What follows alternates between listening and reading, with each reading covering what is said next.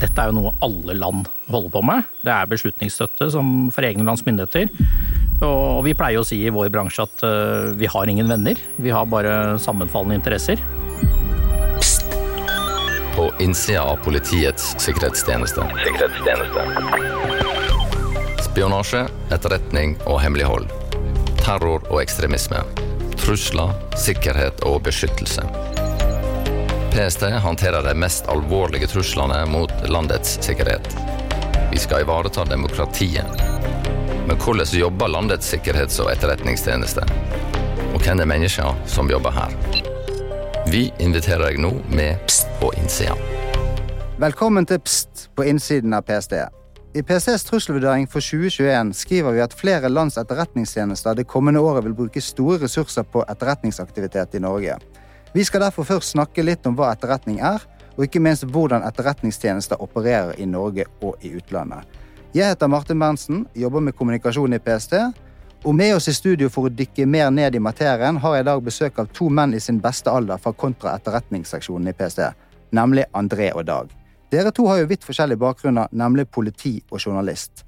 Kan ikke dere kort presentere dere selv? André? Jeg er utdanna journalist og statsviter. Eh, Jobba i PST i ca. ti år. Eh, gjort litt forskjellige, men har da den siste tiden eh, jobbet med kontraetterretning med fokus på forebygging og tiltak. Ja, Og du, Dag?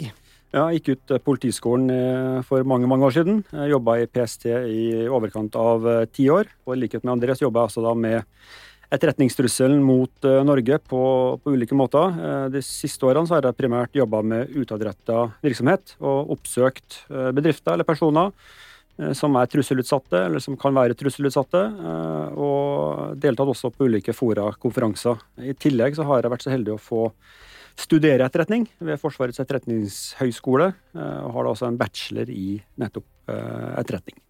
Dag, du brenner jo for etterretning og etterretningsfaget. For hva er egentlig etterretning?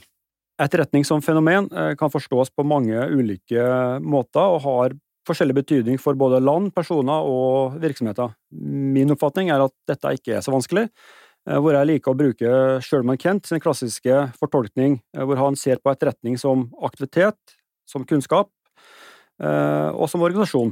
Og jeg tenker at Det er en ganske god beskrivelse. og Sherman Kent er jo da grunnleggeren av moderne etterretningsanalyse og jobba mange år i i CIA, men hans tese kan også omskrives til dagens Norge, etter min, eh, min oppfatning. Eh, hva PST jobber med, hva vi gjør når vi etterforsker og forebygger ulike trusler mot Norge, det er vår aktivitet. Så er PST en etterretningsorganisasjon, i likhet med Etterretningstjenesten for eksempel, men hvor vi har da et innenriks ansvar og, og mandat. Kunnskapen som vi får gjennom vårt arbeid bruker vi både internt, men vi bruker også vår kunnskap eksternt i samfunnskommunikasjon, og blant annet eh, gjennom NTV-en som du eh, siterte fra innledningsvis, eh, Martin. Eller gjennom denne podkasten. Eller gjennom denne podkasten. Når det gjelder begrepet etterretning, så er vår definisjon, eller PST sin definisjon, at det er en styrt prosess bestående av systematisk innhenting, analyse og vurdering av informasjon om aktører og fenomener som kan utgjøre en trussel. Etterretningens formål er å danne grunnlag for beslutninger.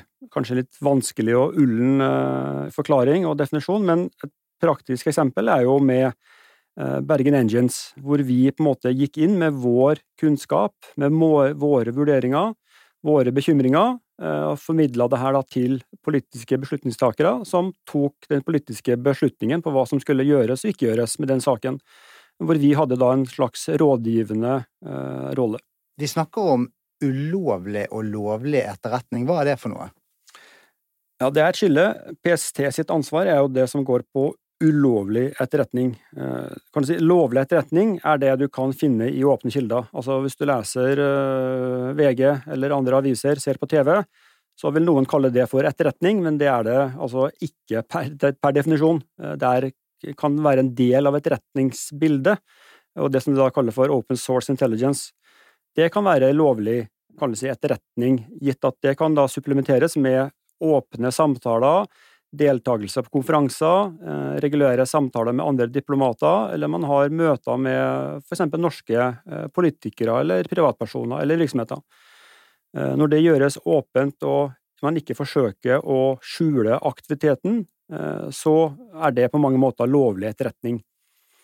Det som er ulovlig etterretning, som vi arbeider for å, forebygge, er jo når en etterretningsoffiser, gjerne da kanskje diplomat, under, eller som opererer under diplomatisk dekke, fører skjulte kontakter, altså bruker telefonboks, betaler kontanter for eh, rapporter eller gir andre goder for spesielle tjenester.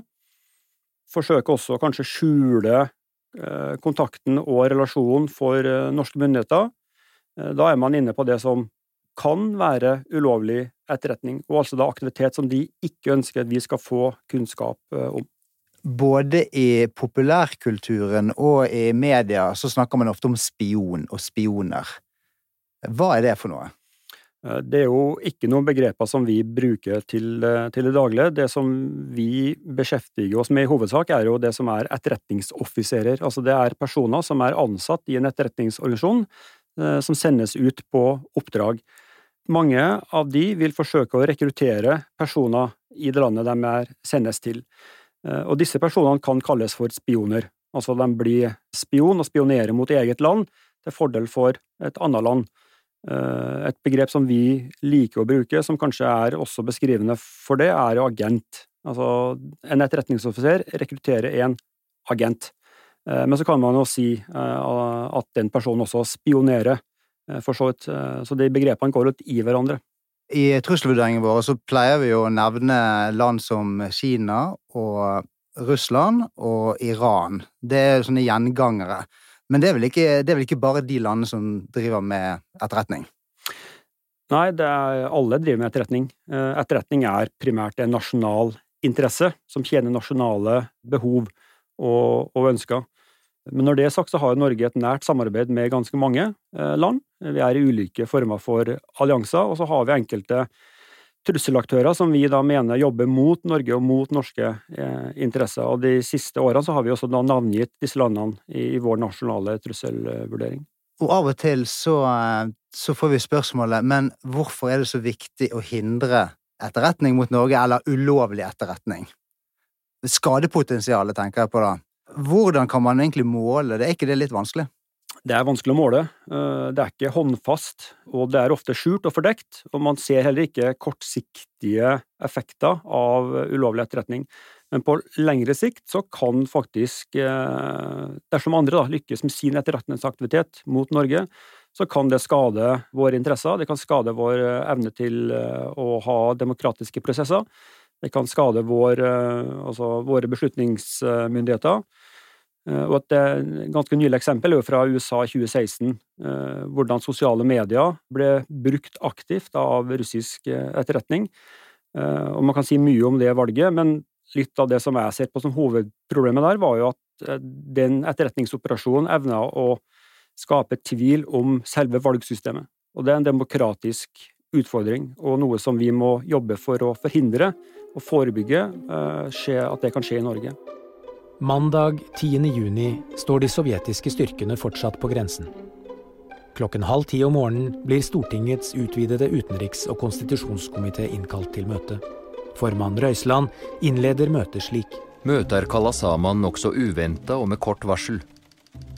Det henger sammen med at forsvarsministeren ringte til meg hjemme i går og sa at vi burde ha dette møtet. Tre døgn etter at han selv fikk beskjed, og 90 timer etter at de første meldingene om russerne på grensen kom, har Grieg Tidemann nå bestemt seg for å informere stortingskomiteen om den pågående aktiviteten i nord. Det vi hørte her, var et klipp fra Brennpunkt-dokumentaren 32 tause timer, som handler om en hendelse i 1968. Kan ikke du eh, kommentere litt rundt denne hendelsen og forklare hva som skjedde? Og hvordan eh, kanskje denne hendelsen kan lære oss noe om dagens situasjon? Ja, eh, saken er jo gammel, den er faktisk eldre enn meg. Men jeg syns den er ganske interessant og spennende, for den viser også hvordan rolle og hvilken betydning god etterretning kan ha for å sikre og optimalisere eh, beslutninger som tas på øverste politiske hold. Det var jo en eh, oppmarsj på grensa mot Sovjetunionen, hvor norske grensevakter hørte, observerte, så russiske stridsvogner som da kjørte tett opp til grensa og retta egentlig kanonene mot de norske observasjonspostene, eller OP-postene.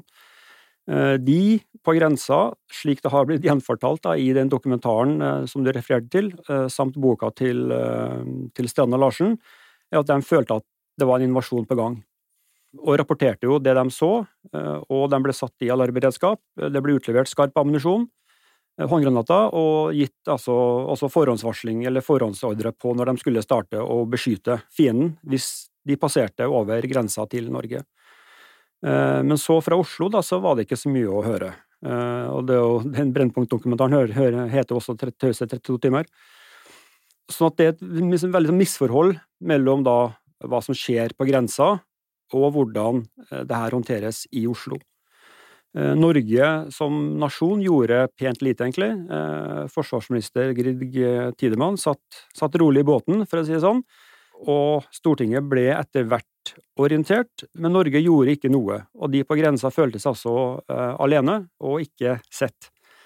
Og så kan man jo lure på liksom, hva det riktig å ikke gjøre noe, eller burde man ha uh, gjort noe dersom det var en invasjon på gang. De satt vel også på helt forskjellig kunnskap, både hvis man da sammenligner med de unge guttene den gang som sto på grensen og så inn i nesten bokstavelig talt sovjetiske eh, tanksmunninger, mens eh, kanskje de på hovedkvarteret i Oslo hadde en helt annen forståelse av situasjonen.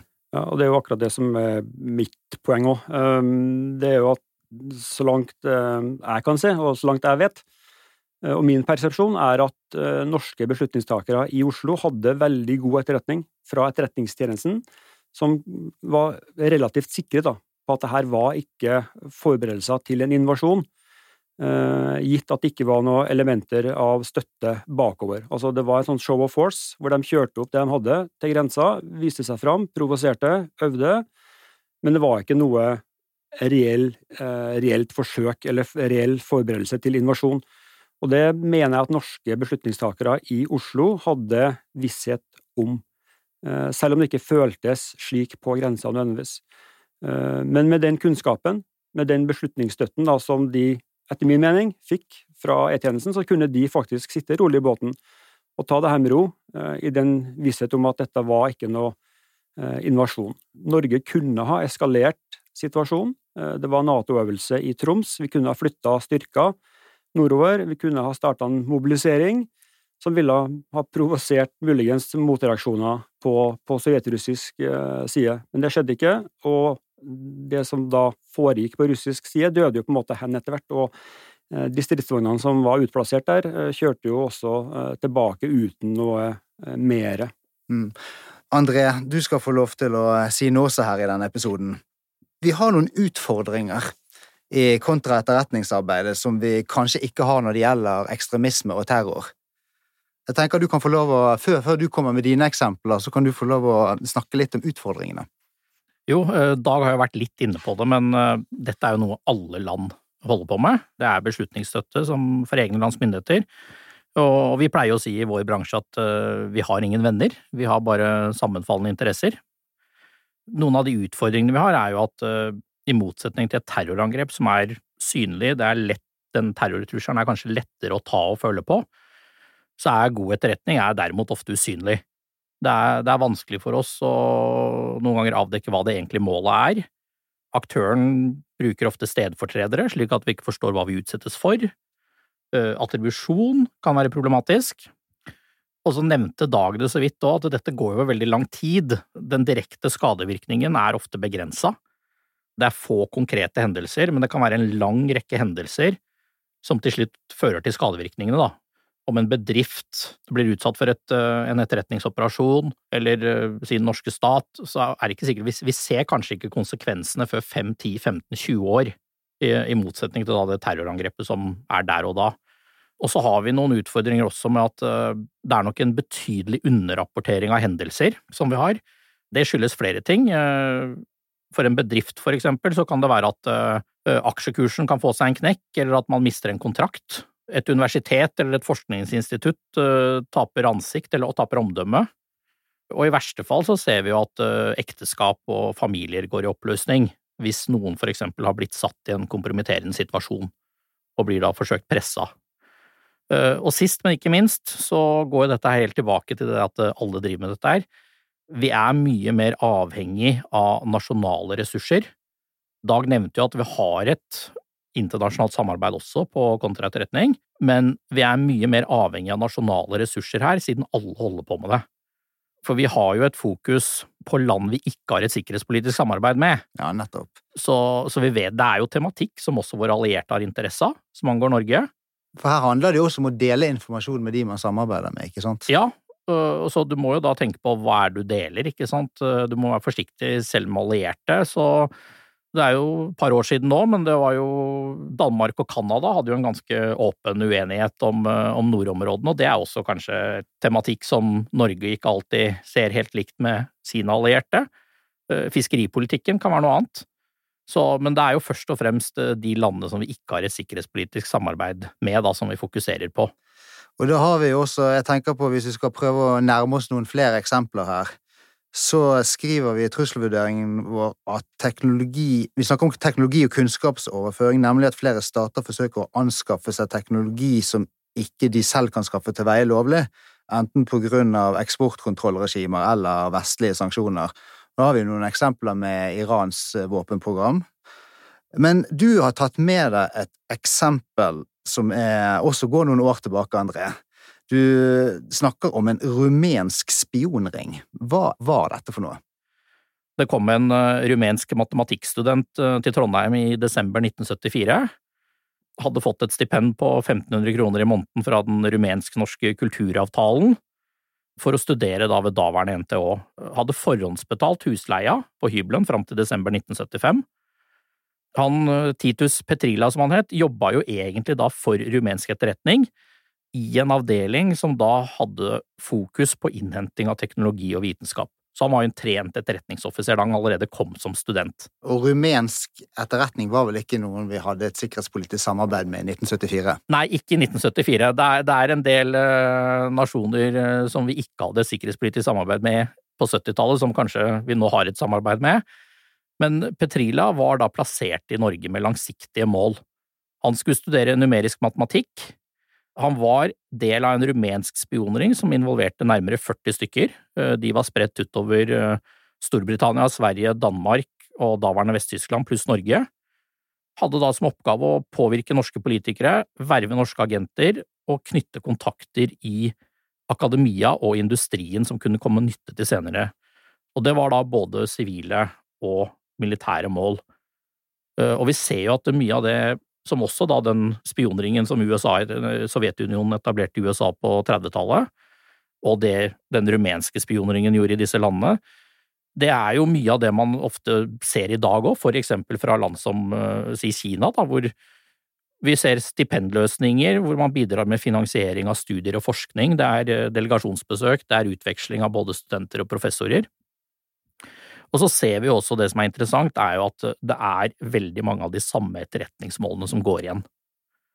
Det er eh, skipsbygging, da var det produksjonsteknologi og belastning og trykk i skrog, kjemisk industri, produksjonsprosesser, i kraftbransjen så er det design og teknologi, turbiner, oljeindustrien er også en annen industri som har veldig mye flerbruksteknologi, og det vi ofte har sett, er jo at eh, teknologi som fases ut, i norsk industri er ofte mer enn god nok for et våpensystem, om det være seg Iran, Nord-Korea eller Pakistan, som er ofte de tre landene vi har nevnt da, når det gjelder uh, ikke-spredning og flerbruksteknologi. Ja, Norge er jo også et uh, høyt det er høyt utdannelsesnivå i Norge og relativt mye avansert teknologi, og kanskje også mye sånn spesifikk teknologi. Ja, nå tenker jeg på at det er helt spesialkonstruksjoner som kanskje kun mm. lages i Norge ja. som kan være interessant for andre land. Ja, det, det er én ting. Og så så man jo også at uh, Si også på 70-tallet, og det ser man jo i dag også med for eksempel de undersøkelsene som ble utført for eksempel med, med boring i Nordsjøen, ikke sant, om det er grunnforhold på havbunnen. Uh, du nevnte også teknologien. Vi har, en, vi har en liten, men vi har en ganske avansert og ledende våpenindustri. Som vi har hatt liksom med Kongsberg, eh, Raufoss, Nammo, men også tilbake til eh, Petrila, da, bare for å vise hvor langsiktig man tenker. Han skulle jo da studere i Trondheim, og så var planen, det løpet som var lagt opp for han, var at han da skulle flytte til Brussel, hvor da rumensk etterretning hadde planer om at han skulle få jobb på et forskningsinstitutt som hadde samarbeidsprosjekter med Nato.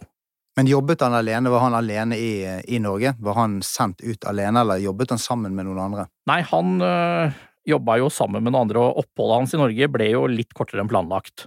For i juni 75 så kontakter da tredjesekretæren på den rumenske ambassaden i Oslo kontakter overvåkningspolitiet og meddeler at han vil hoppe av.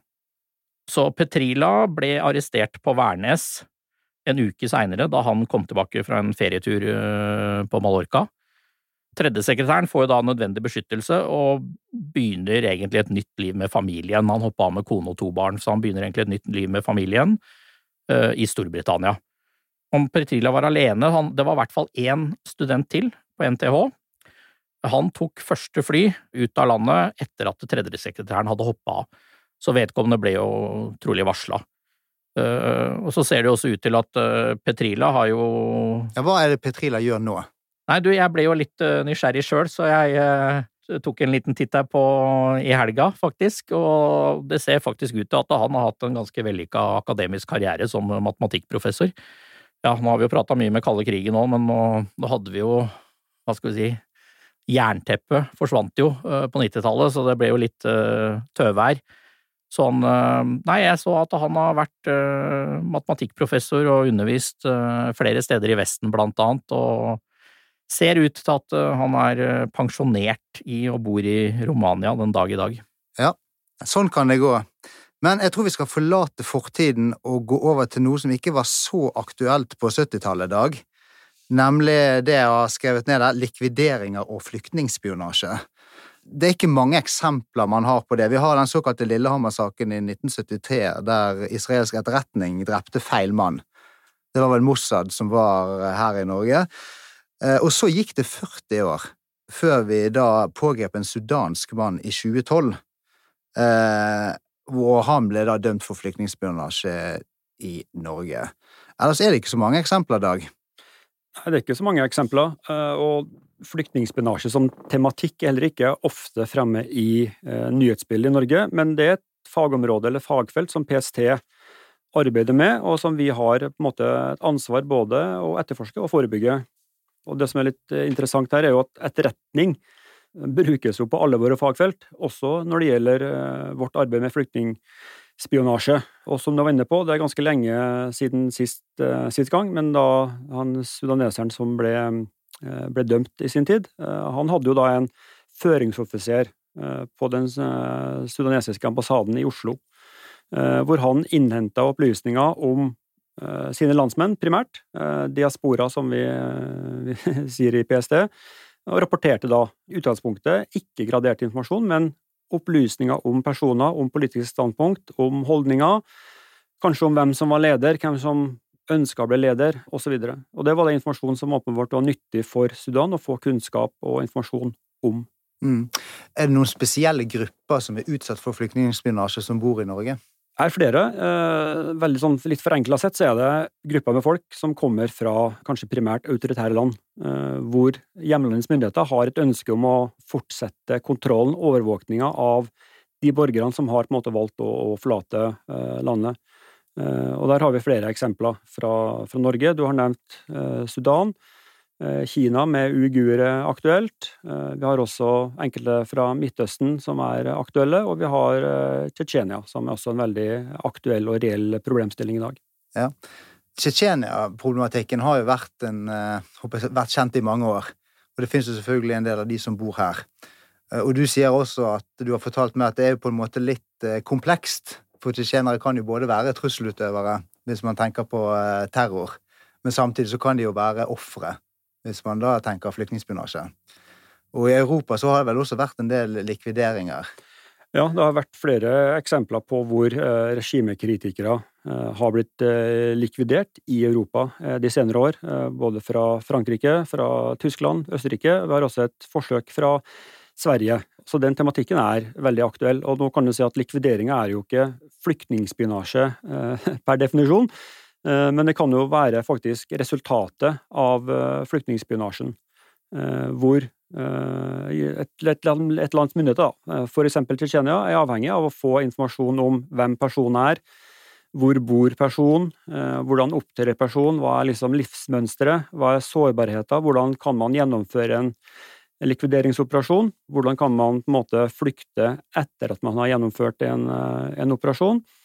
Og da snakker vi om etterretning, eller target intelligence på, på, engelsk, hvor man kan bruke personer i samme miljø som ofre eh, for å rapportere, for å innhente opplysninger, eller man kan sende ut spioner eller etterretningsoffiserer for å gjøre samme, samme, jobben. Og i Europa så har vi sett eksempler på begge deler.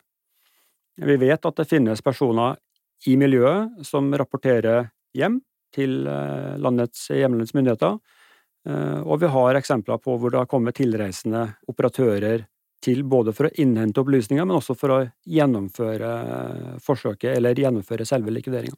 Men eh, er det noen eksempler som eh, du kjenner til i Norge, som kanskje ikke er så kjent offentlig, hvor det har vært forsøk på likvideringer? Ikke det tsjetsjenske miljøet. Og vi har vel, som du nevnte jo, Lillehammer-saken. Det er vel den siste likvideringa vi har av personer i Norge som har sånn et politisk aspekt. Eh, men vi har sett eksempler på rekognosering, eller eh, kartlegging, av personer. Eh, og da snakker vi ikke om Tsjetsjenia, men også om andre land hvor det har kommet personer inn til Norge. Da, hva er det PST gjør da? Det er kanskje noen som lurer på. Lar vi det bare skje, ja. eller hva gjør vi for noe? Da må vi jo forsøke å hindre det. Ja. Eh, og det er der etterretning på en måte har en, har en aktiv rolle. Altså De som gjør det her, de jobber med etterretning for å innhente opplysninger, kunnskap, kompetanse, oversikt. Og så jobber vi med kontraetterretning for å hindre dem i at de lykkes med sin aktivitet. Og I tillegg så jobber vi da med å identifisere hvilke personer kan være trusselutsatte i Norge, eh, hvilke personer kan være trusselutøvere. og Da skaper vi oss en situasjonsforståelse, et overblikk over en kompleks eh, tematikk. Og når vi har det kan du si, situasjonsbildet og situasjonsforståelsen, så kan vi gå inn med ulike former for tiltak for å redusere trusselen, og eventuelt eh, også da forebygge at utøvere kan, kan lykkes med sin aktivitet. Og Der samarbeider vi også med politiet med tanke på sikkerhetstiltak, gjør vi ikke det? Ja. PST gjør ikke denne jobben alene. Vi har et nært og godt samarbeid både med våre lokale enheter i eh, andre steder i landet, og vi jobber også med, med, politiet på en del tiltak, og vi har også et internasjonalt samarbeid med våre partnere, eh, også polisiære myndigheter i andre land gjennom Kripos, hvor vi også utveksler informasjon eh, om utøvere som kan være i Norge, om utsatte personer i Norge, og vi får informasjon fra andre land når det gjelder modus operandi, hva de har sett, hva de har erfart, slik at vi kan da være i bedre stand til å forebygge det her og forstå mer av tematikken. Selv om man ikke hører noe om det, så er flyktningspionasje noe vi egentlig har jobbet med hele tiden, selv om det ikke blir så mange domfellelser av dette arbeidet. It is now clear that Mr. Skripal and his daughter were poisoned with a military-grade nerve agent of a type developed by Russia. This is part of a group of nerve agents known as Novichok. Based on the positive identification of this chemical agent by world-leading experts at the Defence Science and Technology Laboratory at Porton Down, Our knowledge that Russia has previously produced this agent and would still be capable of doing so. André, GRU enhet 2955, hva er det for noe? Jo, det eh, er jo en enhet som eh, Ja, det er vel noen som har lest om den i media. Har, vært, har vel vært eh, litt stoff i norske medier òg, men veldig mye i internasjonale medier nå i et par år. Men det er trolig en enhet uh, i GRU, da, som er russisk militæretterretning, som ble oppretta en gang rundt 2008–2009. Driver hovedsakelig med sabotasje, subversiv virksomhet og attentater. Subversiv virksomhet, hva er det for noe?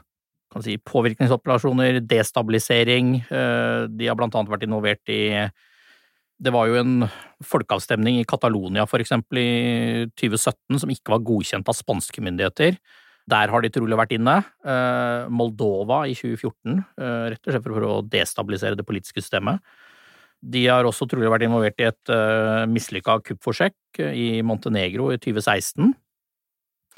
vi har sett etterretningsoperasjoner mot antidopingrelaterte virksomheter i Sveits. Men enheten kom vel virkelig i søkelyset etter attentatforsøket mot Sergej Skripal, tidligere GRU-offiser, og datteren hans i Storbritannia. Skripal ble rekruttert av britisk etterretning i 1995 Eh, ble avslørt og fengslet i Russland. Han, han, pensjonerte seg vel fra GRU i 99 og begynte da å jobbe i Utenriksdepartementet uh, i Russland frem til 2003. Uh, ble arrestert i 2004. Og han var en av de Det var jo fire, så, fire stykker som ble utlevert fra Russland i 2010, da USA utveksla da de ti spionene de avslørte, eller illegalistene da, som ble sendt fra USA til Russland. Den kommer jo nå i søkelyset nå i våres, og, og, grunnen til at jeg egentlig har bare lyst til å ta opp her, er at det er jo et par uh, det er et par små koblinger til Norge der. For det, det, det kom jo fram uh, i nyhetsbildet nå på, på våren at det, det, var et våpenlager, våpen- og ammunisjonslager i Tsjekkia, som eksploderte i 2014. Hvor blant annet da to ansatte, to sivile tsjekkere, ble drept. Eh, det var to eksplosjoner i løpet av en uke, og etterfulgt av, flere på grunn av at det ble jo så mye liggende mye ammunisjon eh, liggende ute i naturen, så blant annet dyreliv og andre, når de faktisk utløste enda flere mindre eksplosjoner. Men tsjekkiske myndigheter var da ferdig med den opprydningen høsten 2020. Så opprinnelig så har man jo trodd at dette har vært en ulykke, men tsjekkiske myndigheter avsluttet den etterforskningen nå i våres. Og da peker faktisk Tsjekkia på to tilreisende russere. Og det er de samme to tilreisende russerne som eh, ble observert i London og Salisbury før attentatforsøket mot Sergej Skripal. Eh, de brukte da samme dekkidentitet. Så man kan jo spørre seg om det var god operasjonssikkerhet at de eh, brukte den, men det som er interessant, er at på det lageret her i Tsjekkia ble det oppbevart våpen og ammunisjon som tilhørte en bulgarsk forretningsmann, våpenhandler, som het Emilian Gebrev. Han ble alvorlig sjuk i 2015 i Bulgaria. Seks måneder da etter den eksplosjonen i Tsjekkia. Tilbrakte en måned på sjukehus fant ikke helt ut hva dette var, men først så trodde man at det var matforgiftning, for sønnen hans og produksjonssjefen i firmaet hadde også blitt syke, men ikke like alvorlig. Men i kjølvannet av Skripal-saken så kom det jo frem da at eh, det også var et forsøk trolig på å forgifte Gebrev. Man fant vel en ukjent substans som hadde blitt smurt på utover dørhåndtaket på bilen hans. Grunnen til at man tror at uh, enhet 29155 har gått etter Gebrev, er at firmaet hans blant annet i 2014 leverte våpen til Ukraina. Så spoler vi et uh, par år fram, så dette var vel, jeg tror Dagens Næringsliv skrev vel om uh, eiendomsoppkjøpet, så gikk det noen år, så er det vel egentlig bare lokalavisen Setesdølen, tror jeg, som klarte å koble gjorde den første koblinga, nå tror jeg det kanskje har vært nevnt også i Aftenposten, men Gebrev og sønnen kjøpte en fritidseiendom på en øy ute i Byglandsfjorden til nesten 15 millioner kroner. Det er den ene norske koblinga, og så har vi den andre, da, at eh, lederen for denne enheten, Andrej Averjanov, som har vært behørig omtalt i internasjonale medier de siste årene, han søkte faktisk om visum for å tjenestegjøre som assisterende militærattaché ved Russlands ambassade her i Oslo i 2008. Så han ja. dukka aldri opp i 2008 for å ta over den stillingen. Eh, og så kan man jo gjøre seg sine egne, spekulere litt og vurdere litt, eh, og enheten ble jo da som sagt oppretta i 2008-2009. Så ja. Sånn sett kan du jo si at ringen er sluttet, og og den vender tilbake til Norge på, på, sine, på, sine, måter. Og det er vel kanskje ja. litt sånn beskrivende for etterretning også, Dag. At eh, alt henger sammen med alt. Alt kan henge sammen med alt, men det som jeg syns er litt sånn greit å få fram her, er at etterretning er ikke alltid svaret på alt heller. Sånn som jeg innleda med når jeg tok den tunge definisjonen som PST har, så er vår rolle er å gi et beslutningsstøtte. Eh, og en beslutning kan bli feil, selv om man har god etterretning eh, til å, til å hjelpe seg. Eh, og Et bra eksempel der er jo fra 1940, eh, hvor Vincent Churchill satt og vurderte hva han skulle gjøre for å hjelpe Frankrike. Hadde god etterretning, god forståelse på at Frankrike kom til å falle. Det var ikke noe tvil om det, men han valgte da å sende jagerfly over kanalen for å hjelpe Frankrike likevel mot råd, altså mot god etterretning, kan du si. Og hensikten var jo da å sementere, eller å virkelig styrke alliansen med Frankrike. Slik at en beslutning kan vise seg å bli feil, og etterretning er ofte bare ett et element av flere eh, når det gjelder det å eh, fatte beslutninger for beslutningstakere. Som dere har hørt i denne episoden, er etterretning noe som alle land driver med, og at ulovlig etterretning i Norge bekjempes av PST. Men at vi er avhengig av resten av samfunnet for at vi skal lykkes. Og André og Dag, det er vel lite som tyder på at dere blir arbeidsledige med det første. Så eh, det gjenstår å takke for at dere kunne komme. Takk for at du være her. Takk. Neste episode skal handle om terror, nærmere bestemt terror og mindreårige. Ser du noe, si noe. Men bruk sunn fornuft. Kontakt oss på pst.no.